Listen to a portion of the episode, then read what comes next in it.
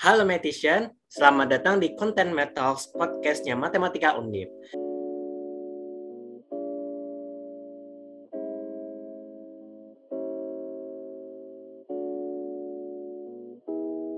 Kali ini Metax bakalan ngebahas kahimatika nih. Tapi sebelum kebahasannya, aku mau perkenalan dulu nih. Kan nggak kenal nggak sayang tuh. Kenalin, aku Irfan Rifki sebagai moderator dari Matematika 2020. Dan aku nggak sendiri nih, ditemenin narasumber kita yang keren banget dari Tika Himatika. Silahkan perkenalannya Mbak.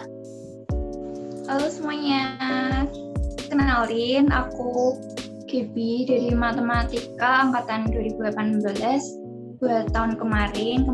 Kebetulan aku diamanahi buat jadi staf kaderisasi dan internal IKA Himatika wilayah 4 Jateng DI. Oke Mbak Gebi, gimana nih kabarnya nih Mbak? Masih di rumah ya? Iya nih. Oke, lagi sibuk apa nih Mbak sekarang? Kalau sekarang sih lagi sibuk skripsi sama KKN aja sih. Wih, keren banget ya Mbak, udah semester-semester akhir banget nih. Oke, seperti yang kita ketahui kan pengetahuan dan wawasan mahasiswa terhadap IKA Himatika bisa dibilang cukup rendah ya Mbak. Karena itu dalam kesempatan kali ini, KM Matematika ingin memperkenalkan lebih nih mengenai IKA Himatika. Mungkin dari Mbak Gebi bisa banget nih buat ngejelasin IKA Himatika itu apa sih Mbak? Jadi IKA Himatika itu singkatan dari Ikatan Himpunan Mahasiswa Matematika Indonesia. Organisasinya itu ngapain sih? Jadi IKA Himatika itu organisasi yang mewadahi seluruh mahasiswa matematika dan mahasiswa pendidikan matematika di seluruh Indonesia. Oke, selanjutnya nih Mbak, kenapa ya IKA Himatika itu ada? Seperti yang udah sempat aku singgung tadi, Tujuannya itu yang pertama buat mewadahi seluruh mahasiswa matematika dan mahasiswa pendidikan matematika yang ada di Indonesia. Terus yang kedua juga itu buat menjalin relasi serta hubungan baik sama organisasi himpunan mahasiswa matematika yang ada di wilayah lainnya. Oke nih Mbak, kan aku pernah dengar nih kalau IKM Matematika itu dibagi dari pusat, wilayah, dan subwilayah. Nah itu tuh perbedaannya apa sih Mbak? Perbedaannya itu ada di wilayah kerjanya. Untuk IKA Himatika Pusat itu wilayah kerjanya di seluruh Indonesia. Terus dari pusat itu dibagi jadi enam wilayah. Yang pertama ada wilayah satu itu meliputi dari Aceh, Sumatera Utara dan sekitarnya. Terus di wilayah dua Sumatera Selatan, Lampung, Bengkulu, dan Bangka Belitung. Terus wilayah tiga itu meliputi Jawa Barat, Jakarta sama Banten. Terus wilayah 4 itu meliputi Jateng dan DIY. Jadi Undip masuk di wilayah 4. Terus di wilayah 5 itu ada NTB, NTT. Terus habis itu di wilayah 6 itu Maluku, Papua sama Sulawesi. Dari wilayah-wilayah itu sendiri nantinya dibagi jadi subwilayah buat wilayah 4 Jateng DIY itu nanti dibagi jadi 4 subwil. Yang pertama ada subwilayah Semarang Salatiga Kudus. Undip masuk di subwil Semarang Salatiga Kudus atau bisa disingkat Semsaku. Terus buat subwilayah lain itu ada Jogja, Purworejo sama Magelang. Ada subwilayah Purwokerto Pekalongan juga sama yang terakhir ada subwilayah Solo Klaten. Itu sih ternyata banyak banget ya pembagian dari Kahimatika itu sendiri. Oke nih, mungkin teman-teman kita udah pernah dengar dikit-dikit tentang acara-acara Kahimatika. Tapi mungkin untuk lebih jelasnya nih Mbak, kegiatan di Kahimatika itu apa aja sih Mbak? Kalau kegiatan di Kahimatika Pusat itu ada musyawarah tahunan nasional Mustanas, terus ada musyawarah nasional Musmunas, habis itu ada kongres Kahimatika juga, kalau tahun kemarin diadainnya di Sulawesi. Terus kalau buat kegiatan wilayah itu ada musyawarah tahunan wilayah Mustawil, ada musyawarah wilayah Muswil, sama ada format yang dilaksanain tiap tahun. Sama juga ada agenda-agenda kayak talk show dan seminar gitu juga sih. Sama ada workshop juga. Terus kalau di subwilayah itu biasanya di Semarang Salatiga Kudus ada kegiatan rapor atau rapat formal.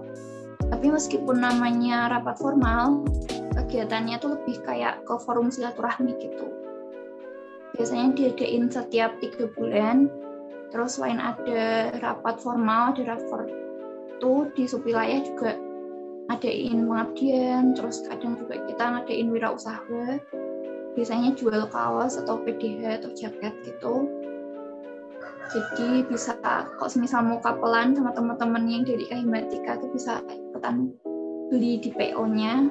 Terus ada juga kegiatan olahraga kok di tahun-tahun sebelumnya itu biasanya kita ngadain volley atau basket. Tapi berhubung sekarang online, kegiatan olahraganya dialihin ke e-sport kayak Mobile Legends gitu. Oke, banyak banget ya ternyata kegiatan yang dilakuin oleh Kaimatika. Nah nih teman-teman, seperti yang kita tahu nih kalau ada kegiatan pasti ada pengurus atau panitianya. Nah, aku penasaran nih Mbak, apa sih feedback yang diberikan Kaimatika untuk para pengurusnya itu? Kalau feedback yang aku rasain itu, yang pertama bisa kenal sama banyak orang gak cuma dari undip sendiri tapi juga dari mahasiswa matematika di luar undip bahkan bisa sampai kenal mahasiswa matematika dari luar juga.